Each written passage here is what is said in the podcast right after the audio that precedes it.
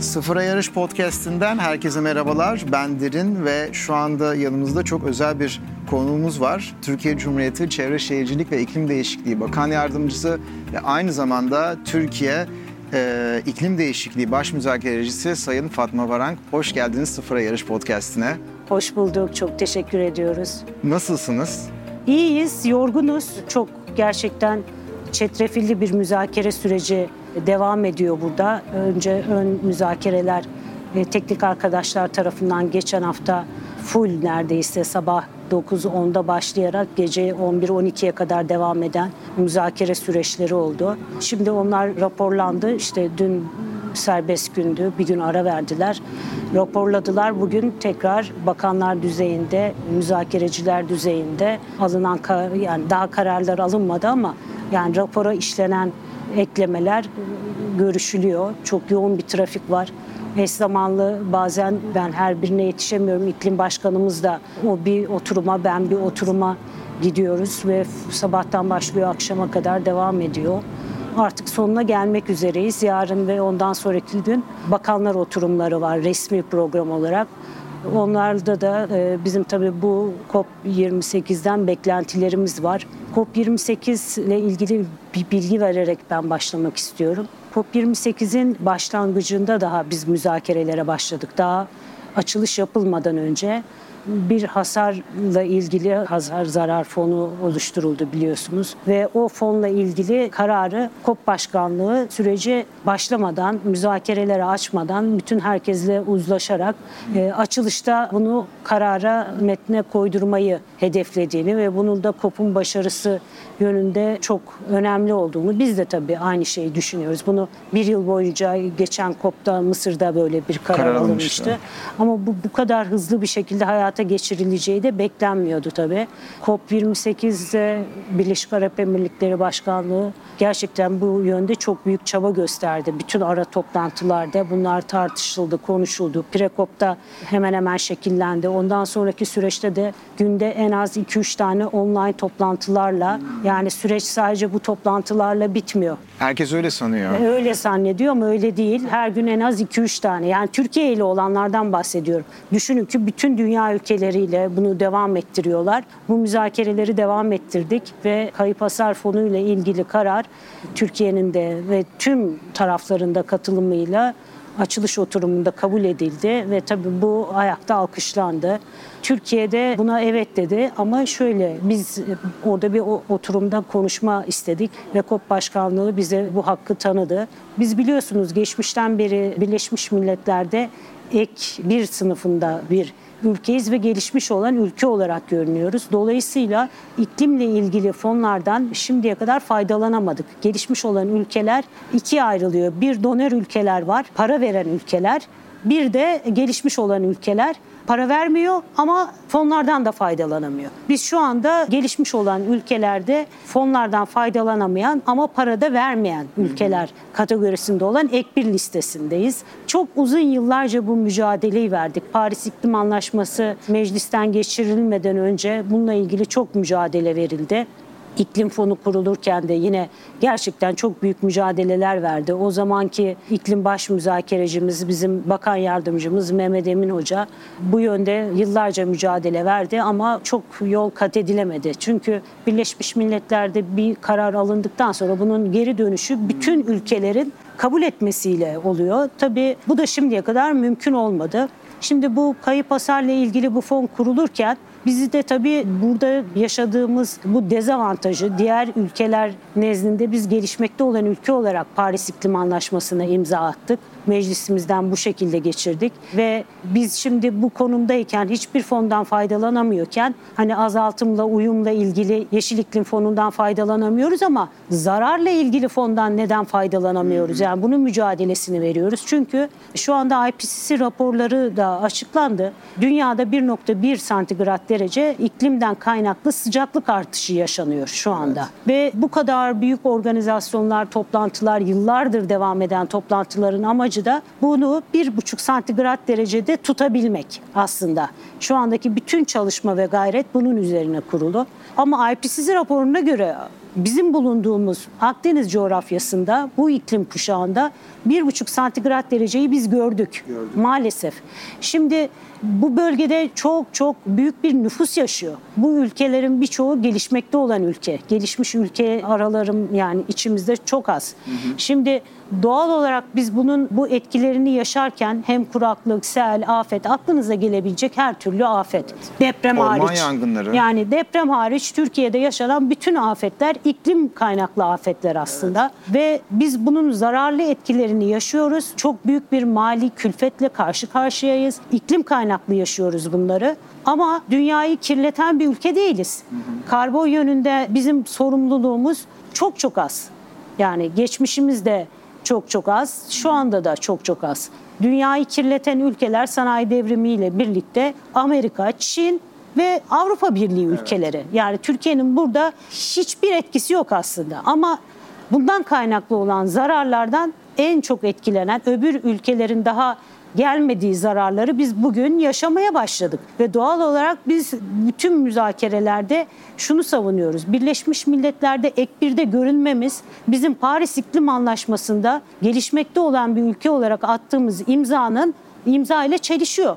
Biz diğer gelişmekte olan bütün ülkelerden daha dezavantajlı bir duruma düşüyoruz ve bu durumdaki tek ülkeyiz. Biz bunun mücadelesini veriyoruz ve başkanlık bize açılış oturumunda bağışçı donör ülkelere söz verdikten sonra bize söz verdi ve biz buradaki bu dezavantajlı durumumuzu bir kez daha ifade ettik ve bunun kayıtlara ve raporlara geçirilmesini bizim de bu fondan faydalanmak istediğimizi kırılgan olan tüm ülkelerin sadece kendimiz için değil kırılgan olan bütün ülkelerin de bu fondan faydalanmasını talep ettik. Burada yürütme kurulu oluşturuluyor. 12 tane gelişmiş olan ülke var. 14 tane de gelişmekte olan ülkeler ve kırılgan grup diye bir diğer grup var. Bu grupla ilgili de resmi adaylığımızı e, bugün itibariyle bildirdik. Başvurumuzu yaptık.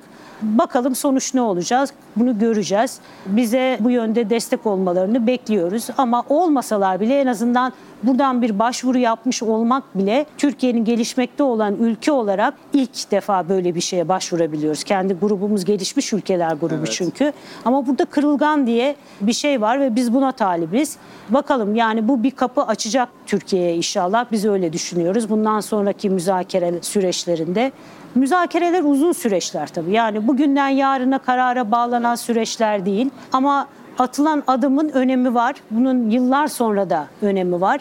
Geçmişte nasıl ki OECD'nin raporuna göre gelişmiş ülke olarak yazılmışız ve biz bunu halen bununla mücadele ediyoruz. Bugün bu koyduğumuz şart de gelecekte illaki Türkiye'nin önüne başka kapılar açacaktır. Biz buna inanıyoruz. Bunun mücadelesini veriyoruz burada. Tabii iklim müzakereleri çok yönlü. Yani finanstan, uyumdan yani çeşitli başlıklar altında devam ettiriliyor biliyorsunuz. Ve burada sadece Çevre Şehircilik Bakanlığı da yok. Bizim yine Maliye Bakanlığımızdan, Dışişleri Bakanlığımızdan, işte Sanayi Bakanlığı, Ticaret Bakanlığımız, yani aktif olarak Ulaştırma Bakanlığımız, Sağlık Bakanlığımız hepsi buralarda aktif olarak geldiler oturumlara. Enerji Ee, Bakanlığı da Enerji. Bakanlığı keza onlar zaten sürekli müzakereci. Hep buradaydılar bizlerle birlikte. Sabahleyin burada toplantımızı yaparak hangi kişi hangi oturumlarda müzakereleri takip edecek. Burada ortak bir grubumuz da var. Oradan sürekli birbirimizle istişare halindeyiz ama her halükarda müzakerelerin e, başı Çevre Şehircilik ve İklim Değişikliği Ba- Bakanlığı ve Başkanlığımız. Bizim kontrolümüzde tüm bakanlıklar burada uyum içerisinde çalıştık. Aynı zamanda iklim elçilerimiz de buradaydılar. Hatta onları da biz bu toplantılarımıza davet ettik. Nasıl çalışıyoruz görsünler istedik. Onları müzakerelere soktuk. Pavilyon alanlarında gezdiler. İşte gençlerle iletişime geçtiler. Burada da bir gençlik grubu var. Hemen hemen tüm ülkelerin onlar gibi gençlik elçiler var. Biz iklim elçisi diyoruz. Daha güzel bir isimleri var bizimkilerin. Burada tecrübelerini paylaştılar, kaynaştılar. Biz onları geri dönüşte hem bu COP sürecini değerlendireceğimiz diğer tüm üniversitelerdeki iklim elçileriyle tekrar bir araya getireceğiz. Hem onlar bunları paylaşacaklar. Belki birkaç tane farklı ülkeden gençlik elçilerini de yine davet edeceğiz.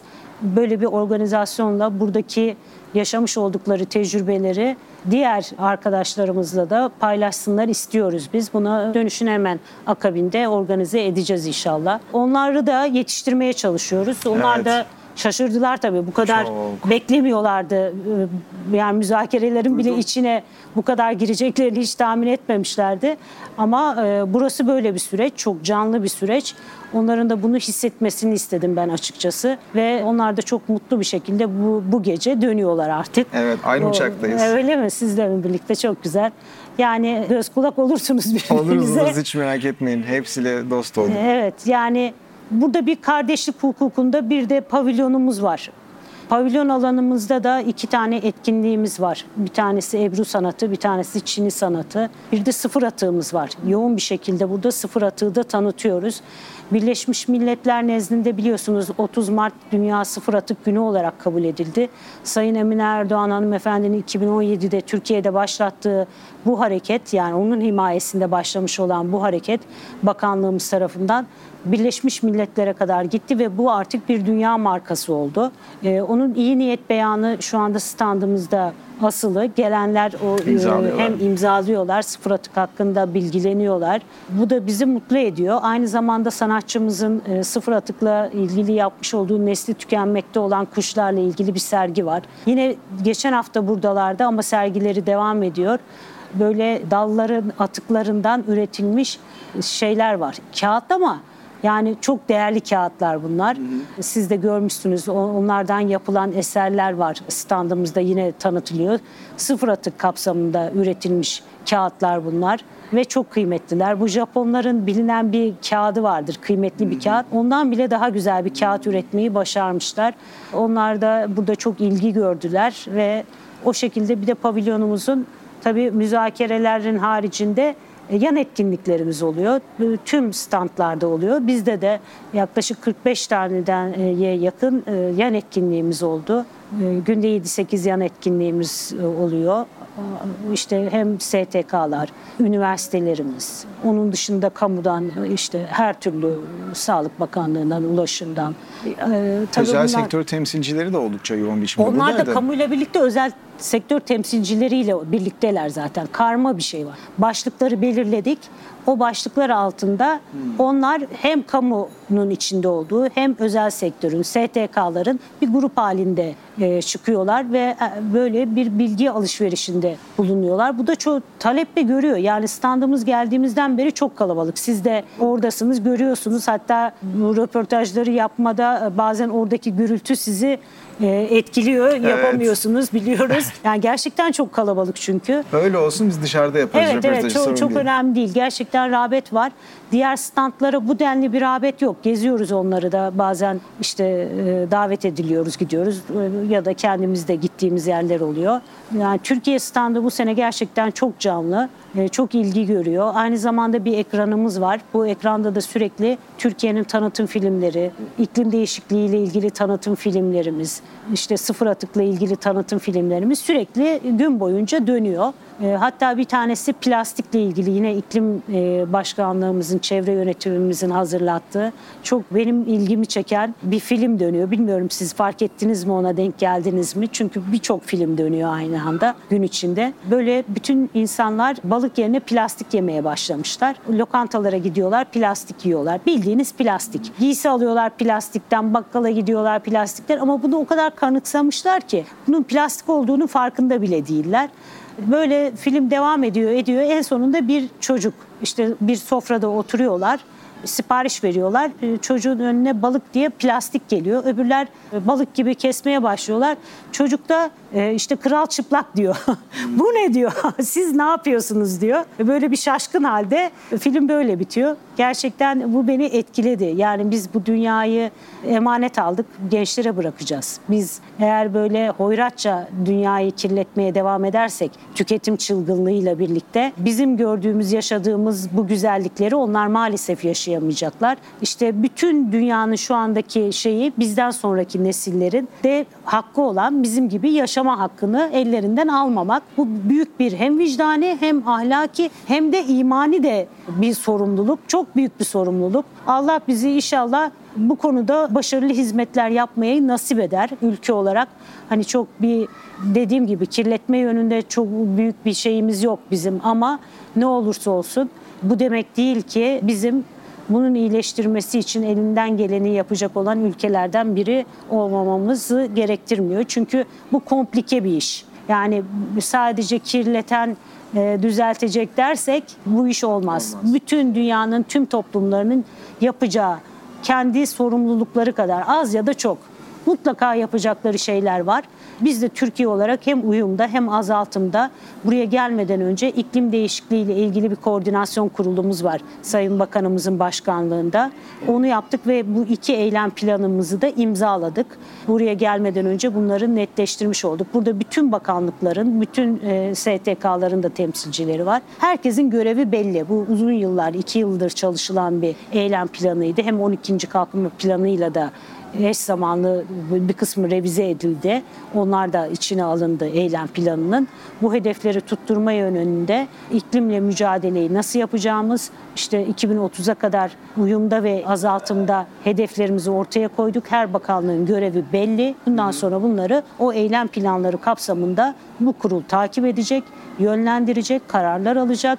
Ondan sonra da 2053'e yönelik net sıfır emisyon hedefimiz var biliyorsunuz Sayın Cumhurbaşkanımızın ifade ettiği, açıkladığı. Bu hedef doğrultusunda çalışmalarımızı da yapıyoruz. 2053'de önümüzdeki yılın ilk yarısında ilan edeceğiz. Şu anda onunla ilgili çalışmalar devam ediyor. İşte denklemler, hangi enerji, burada birçok sektör var. O sektörler içerisinde biz bu net sıfır emisyonu hem gelişerek, büyüyerek, büyüme hedeflerimizden taviz vermeden ama karbon azaltımı hedefimizde %21'den biliyorsunuz 41'e çıkardık. Geçen sene bunu açıkladık. Bu hedeflerimizi 2030'a kadar tutturacağız ama 2053'te artık net sıfır emisyonu konuşmuş oluyoruz. Buna yönelik de çalışmalar tüm sektörler tarafından devam ettiriliyor. Zor bir iş, kolay bir iş değil. Yeni teknolojiler gerektiriyor. ARGE çalışmaları ağırlıklı gerektiriyor. Özellikle mevcut sistemde devam eden sanayilerin kendisini bu yöne adapte etmesi için gerçekten bayağı bir gayret ve ARGE çalışması yapmaları gerekiyor. Tüm ülkelerin yani sadece Türkiye'nin değil ama gördüğümüz kadarıyla bizim özellikle sanayicilerimiz ihracat yaptıkları için bunun çok farkındalar. Herkesten önce farkındalar. Çünkü Avrupa Birliği 2026 yılında e, sınırda emisyonu hayata geçirecek. Bunun kararını verdi, kanunu çıkardı. Oranlar belli. İşte 2030'a kadar hatta birçok sektörde geri dönüştürülmüş malzeme kullanmazsa bunları almayacak. Yani bizim sıfır atık projemizin ne kadar yerli ve zamanında hayata geçirilmiş olduğu da buradan ortaya çıkıyor. Biz de çok kısa bir sürede sıfır atığı %60 geri dönüşüm oranına çıkarmak için hedefimiz bu yönde. İnşallah 2024 yılında daha ev odaklı. Şimdi kamudaki düzeni kurduk ama bu sene hem depozito sistemini hayata geçireceğiz hem de evlerde artık sıfır atık ayrıştırmayı ve ayrı toplamayı destekleyecek yeni projeleri hayata geçireceğiz. Bu seneki hedefimiz artık bu işin evlere girmesi. Siz o plastikle ilgili filmi söyleyince benim gözlerim doldu. Çünkü benim de 3,5 yaşında bir oğlum var. Ve artık böyle dünyanın neresine gitseniz kıyıda köşede bir plastik gördüğü zaman baba burada da insan yapımı bir şey var diyor. Ve o bana çok dokunuyor. Çünkü biz çocukken 40 yılda bir olurdu bu. Yani biz ailemizle gittiğimiz zaman bir yerde çöp gördüğümüz zaman bu çok olağanüstü bir olay olurdu. Şu anda bir jenerasyonda benim jenerasyonumda dünya genelinde mikroplastik olayına bakıyorsunuz işte plastik kirliliğine bakıyorsunuz. O yüzden gerçekten çok önemli yani o, o bana çok dokundu ama ben size şunu soracağım. İki konuyu daha sormak istiyorum. Bir tanesi ben bugün öğrendim IPCC 7 e, değerlendirme dönemine başlayacak ve bu İstanbul'da başlayacak. Bugün IPCC başkanıyla da konuşabildik. Aslında bu ülkemiz için de önemli bir konu. Çünkü iklim biliminin en üst düzeydeki panelinin açılışı anladığım kadarıyla İstanbul'da olacak ve bu tarz yani bunun İstanbul'da olması hadi gelin İstanbul'a ile olmuyor aslında. Arkasında bayağı bir yoğun çalışma var diye tahmin ediyorum. Evet yani Türkiye'nin IPCC ile yaptığı ıı, ilk toplantı değil bu. Daha önce yapmış olduğumuz toplantılardan çok memnun kaldıkları için aslında e, bu toplantıyı da Türkiye'de yapmak istediler. Biz de tabii teklif ettik ve yerini de İstanbul olarak belirledik. Hem gelen konuklarımızın İstanbul'u görmeleri bizim için önemli. Antalya'da da yapabilirdik. Hani iklim şartları buna da müsait oluyor. Ama İstanbul'daki bir toplantının değeri bir Antalya'daki toplantı gibi değil. Benim nezdimde ben de naçizane İstanbul'da yaşayan bir insan evet. olarak özellikle toplantının İstanbul'da yapılmasını istedim. Ve insanların da İstanbul'daki bu güzellikleri e, toplantıların arasında çünkü mutlaka fırsatları olacaktır. Görsünler istedim. Tabii önemli bir toplantı. Bugün IPCC Başkanımız bizleri ziyaret ettiler. Toplantı ile ilgili görüş alışverişinde bulunduk ve kendileri bizim bu çalışmamızdan ne kadar memnun olduklarını ifade ettiler. Gerçekten bu bizi memnun ediyor. Türkiye aslında bir dünya ülkesi, Avrupa ülkesini geçtim. Yani bir dünya ülkesi. Bu tip organizasyonları yapmaya çok mahir. Biz de birçok toplantıya gidiyoruz dünyanın yapmış olduğu toplantılara. Her ölçekte küçük, büyük, teknik değil. Hani bakanlar düzeyinde oluyor bu toplantılar ama inanın ki Türkiye'deki ev sahipliğini dışarıda biz görmüyoruz. Yani o, o kesin. Türkiye gerçekten bu konuda mahir bir ülke. Ben ülkemle bu konuda e, gurur duyuyorum açıkçası. Her gittiğimiz yerde kaç sene önce yapmış olduğumuz toplantılar konuşuluyor. Aa siz de şu toplantıya gelmiştik çok memnun kalmıştık. Yani hem organizasyon hem içerik hem sonuçlandırma yönünden de pratik insanlarız biz. Ee, sonuç odaklı çalışıyoruz. Ee, o yüzden yani dönem başkanı olduğumuz Barcelona iklim çerçevesinde de bu iki yılda aslında büyük kararlar aldırdık. Yani orada da bu geçtiğimiz beşinde başlayan toplantıya ben buradan kalkıp gittim.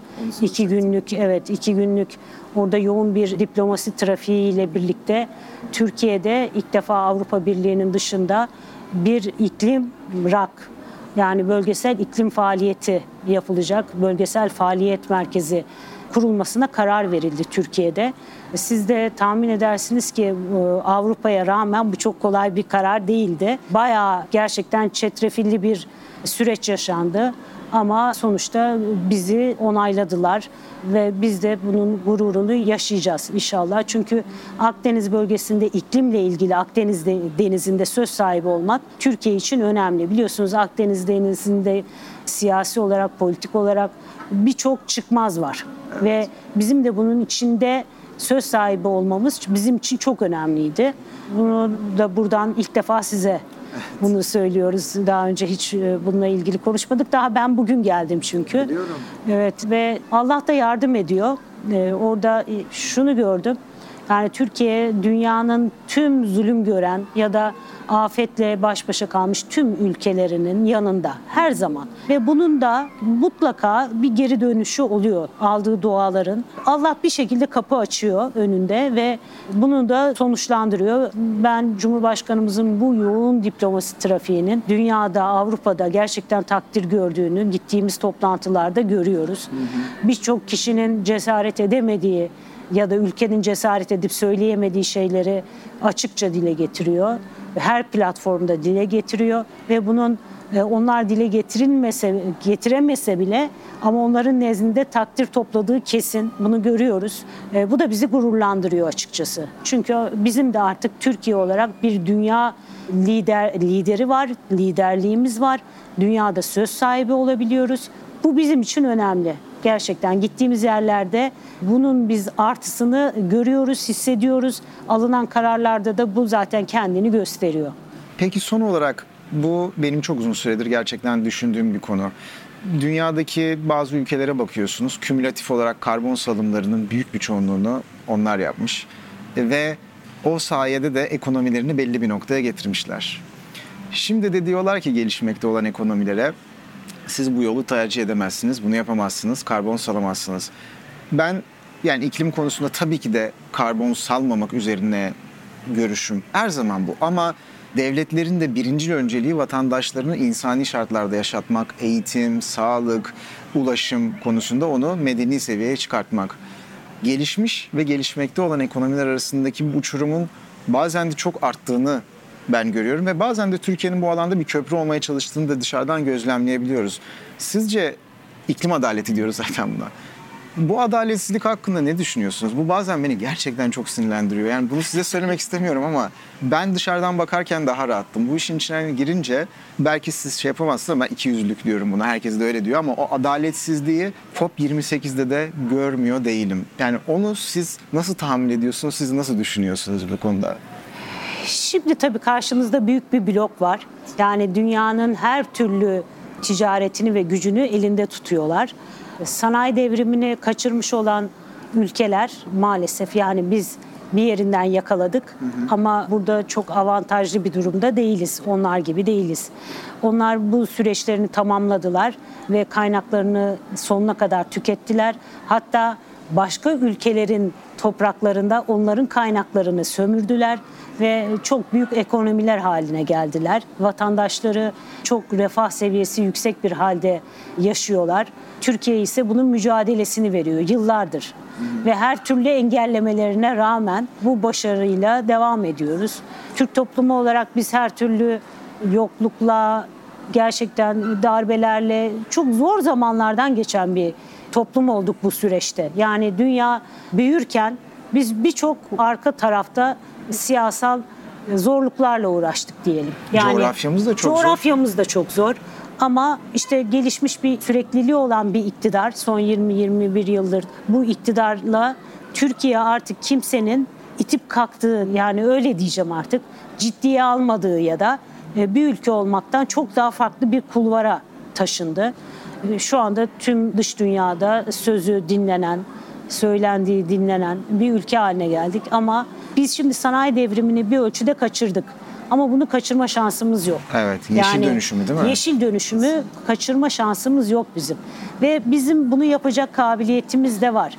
Evet, bunlar gerçekten iki yüzlüler. Şu anda dünyaya bunun teknolojisini satmak için uğraşıyorlar. Yani verdikleri parayı bile hibe olarak vermiyorlar. Kredi, kredi olarak veriyorlar. Zaten bütün kavga onun üstüne yürüyor. Yani sen bu kadar büyük bir dünyanın nimetinden faydalandın, zengin oldun. O zengin olduğun paralarla bir fon oluşturduğun yani iddia ettiğin fonu da ya da taahhüt ettiği fonu da biliyorsunuz daha hayata geçiremedi. Ama bu geçireceği fonu da krediyle geçirecek ve ülkeleri borçlandıracak. Ülkeler buna çok büyük itiraz ediyorlar. Doğal olarak kendi zaten borç batağında gelişmekte olan bir ülke ya da hiç gelişmemiş ülkeler var. Bu ülkelerin karbonla ilgili hiç kirleticilikleri yok. Yani aslında kirleten öderin karşılığı kredi vermek değil yani olmamalı. Herkes bu arada bunu biliyor musunuz? Sorsak fon fon fon diyorlar hibe sanıyor herkes. Diyor evet öyle değil. değil. Ya, ya kredi ya da daha da kötüsü para verip hisse alıyor. Yani yatırım. Evet evet. Yani biz tabii hani gelişmekte olan bir ülkeyiz ama onlar durumunda değiliz. Biz ya. kredide bizim için evet. uzun vadeli düşük faizli kredilerde yani biz hibe beklentimiz olduğu için konuşmuyoruz bunu. Tabii, bizim tabii. böyle bir beklentimiz yok. E, sadece bu fonlardan faydalanmak istiyor haklı olarak. Dezavantajlı bir duruma düşmek istemiyor. Özellikle COBİ'ler nezdinde. Zaten gelişmiş olan sanayiler bu yönde çalışmalarını yapıyorlar. Ama COBİ'ler daha dezavantajlı bir duruma düşebilirler. Çünkü bizdeki COBİ'lerin birçoğu ihracat da yapıyor. Yani bunlar şimdi 2026 yılında ihracatla ilgili bu sınırlamalar, sınırda karbon vergileri falan geldiğinde bizimkiler eğer enerjisini dönüştürememiş olurlarsa dezavantajlı bir duruma düşecekler. Bunun için de hem teknoloji transferi gerektiriyorlar hem de kendi uygulam yani e, üretim bantlarındaki proseslerinde karbondan kaynaklı dezavantajlarını avantajlı bir duruma dönüştürmek için de teknolojik bir dönüşüme ihtiyaçları var. Yani hem Arge'ye ihtiyaçları var hem de yani gerçekten teknik olarak akıllı uygulamalara ihtiyaçları var. Dijital olarak da ihtiyaçları var. Fiziki olarak da ihtiyaçları var. İşte biz de onun mücadelesini veriyoruz. Hem işte Sanayi Bakanlığımızda, Ticaret Bakanlığımızda, Enerji Bakanlığımızla. Ama e, bizimle aynı mücadeleyi veren birçok ülkede var. Yani onların da tabii söyleyecek bir sözleri yok. Taahhütler veriyorlar, tutamıyorlar. Ama biz dünyayı kirletmedik ya da kirlettik ama ödemeyiz ya da işte suçlu biz değiliz de diyemiyorlar. Yani Evet. en azından bunu da diyemiyorlar. Ama burada da COP28'de de evet bu yönde haklısınız. Halen bunun mücadelesini ada devletlerinin, Pasifik'teki ada devletlerinin veriyor olması acı. Yani çünkü onlar e, varlıklarıyla ilgili e, sınanıyorlar. Yani adaları, memleketleri yani ülkeleri yok olma tehlikesiyle karşı karşıya. Doğal olarak da dünyanın bir an önce önlem almasını, bir buçuk santigrat dereceye ulaşmak için pik değerlerin aşağıya çekilmesini istiyorlar. Ama bu yönde tabii gelişmiş olan ülkeler maalesef buna yanaşmıyorlar. İnşallah bu süreci hayırlısıyla dünya atlatır. Bizden sonraki nesillerin gerçekten bizim arkamızdan beddua ederek bizleri anmasını istemeyiz. O çocukların hakkını kimsenin yemeye hakkı yok. Hiçbirimizin yok. Dediğim gibi başta da söyledim.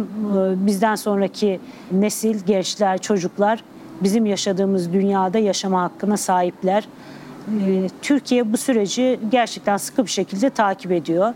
Tüm organlarıyla birlikte takip ediyor. İklim kanunumuzu da inşallah bu sene ETS'yi kuracağımız kanunu bu sene meclisimiz gündeme getirecek. İnşallah bu yıl içerisinde o sistemi de kurup işletmeye başlarsak sınırda ödenecek verginin bir kısmının ülkemizde kalmasına ve bunun da KOBİ'lerin dönüşümü için harcanmasını hedefliyor. Kanunun özü bu. Çalışmalarımız bu yönde. Bilmiyorum atladığım konular olmuştur Yok. mutlaka. Tabii ki. Ee, ama elimizden geleni tüm gücümüzle yaptığımızdan vatandaşlarımızın hiç kuşkusu olmasın.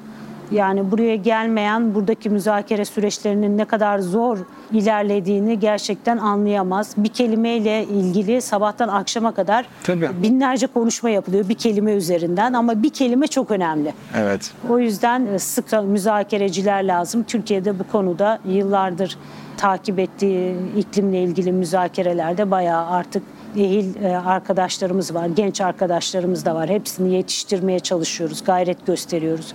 Çünkü bugün bu koltuklarda biz oturuyoruz ama bizden sonra arkadaşlarımız bu koltuklarda oturacaklar. Bizden çok daha donanımlılar. Kendilerini bizden çok daha iyi yetiştiriyorlar. Ben gerçekten gençlikten çok e, ümitliyim. Bizden sonra Türkiye'nin yönetim kademesinde görev alacak bu kardeşlerimiz bizden çok daha ileride, çok daha ufukları geniş bir şekilde bizim müreffeh bir dünya ülkesi yapacaklar. Bundan hiç kuşkum yok. Çok teşekkürler konuk olduğunuz için, bu kadar vakit ayırdığınız için. Bir arkadan da birileri galiba şey yapıyorlar. Bir şey evet, yapıyorlar, o evet. yüzden de ben sizi çok da tutmak istemiyorum. Emekleriniz için de gerçekten çok teşekkürler. Buradaki müzakerecilerin, diplomatların nasıl çalıştığını ben hep anlatıyorum. Biz evde uyuduğumuz zaman, dinlendiğimiz zaman burada Türkiye adına müzakereler burada veya başka yerde Ticaret Bakanlığı'nda, birçok bakan, Enerji Bakanlığı'nda e, devam ediyor. Bu emekleriniz için de tekrar çok teşekkürler. Konuk olduğunuz için de ayrıca çok teşekkür ederiz. Biz teşekkür ederiz. Burada bizimle birlikte olduğunuz için, bu ekibin bir parçası olduğunuz için.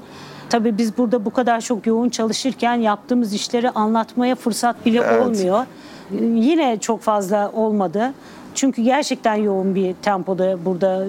Biri bitiyor, öbürü başlıyor, biri bitiyor, öbürü başlıyor. Sizin bizim sesimiz olmanızdan dolayı gerçekten ben yaptığınız işi çok takdir ediyorum. Sizlere teşekkür ediyorum. Biz Emeklerinize sağlık diyorum. Ee, inşallah bir dahaki toplantılarımızda e, IPCC toplantımızı takip et- edecek misiniz? Edeceksiniz. Orada görüşmek üzere o Görüşmek zaman. üzere. Çok teşekkürler. Biz teşekkür ederiz.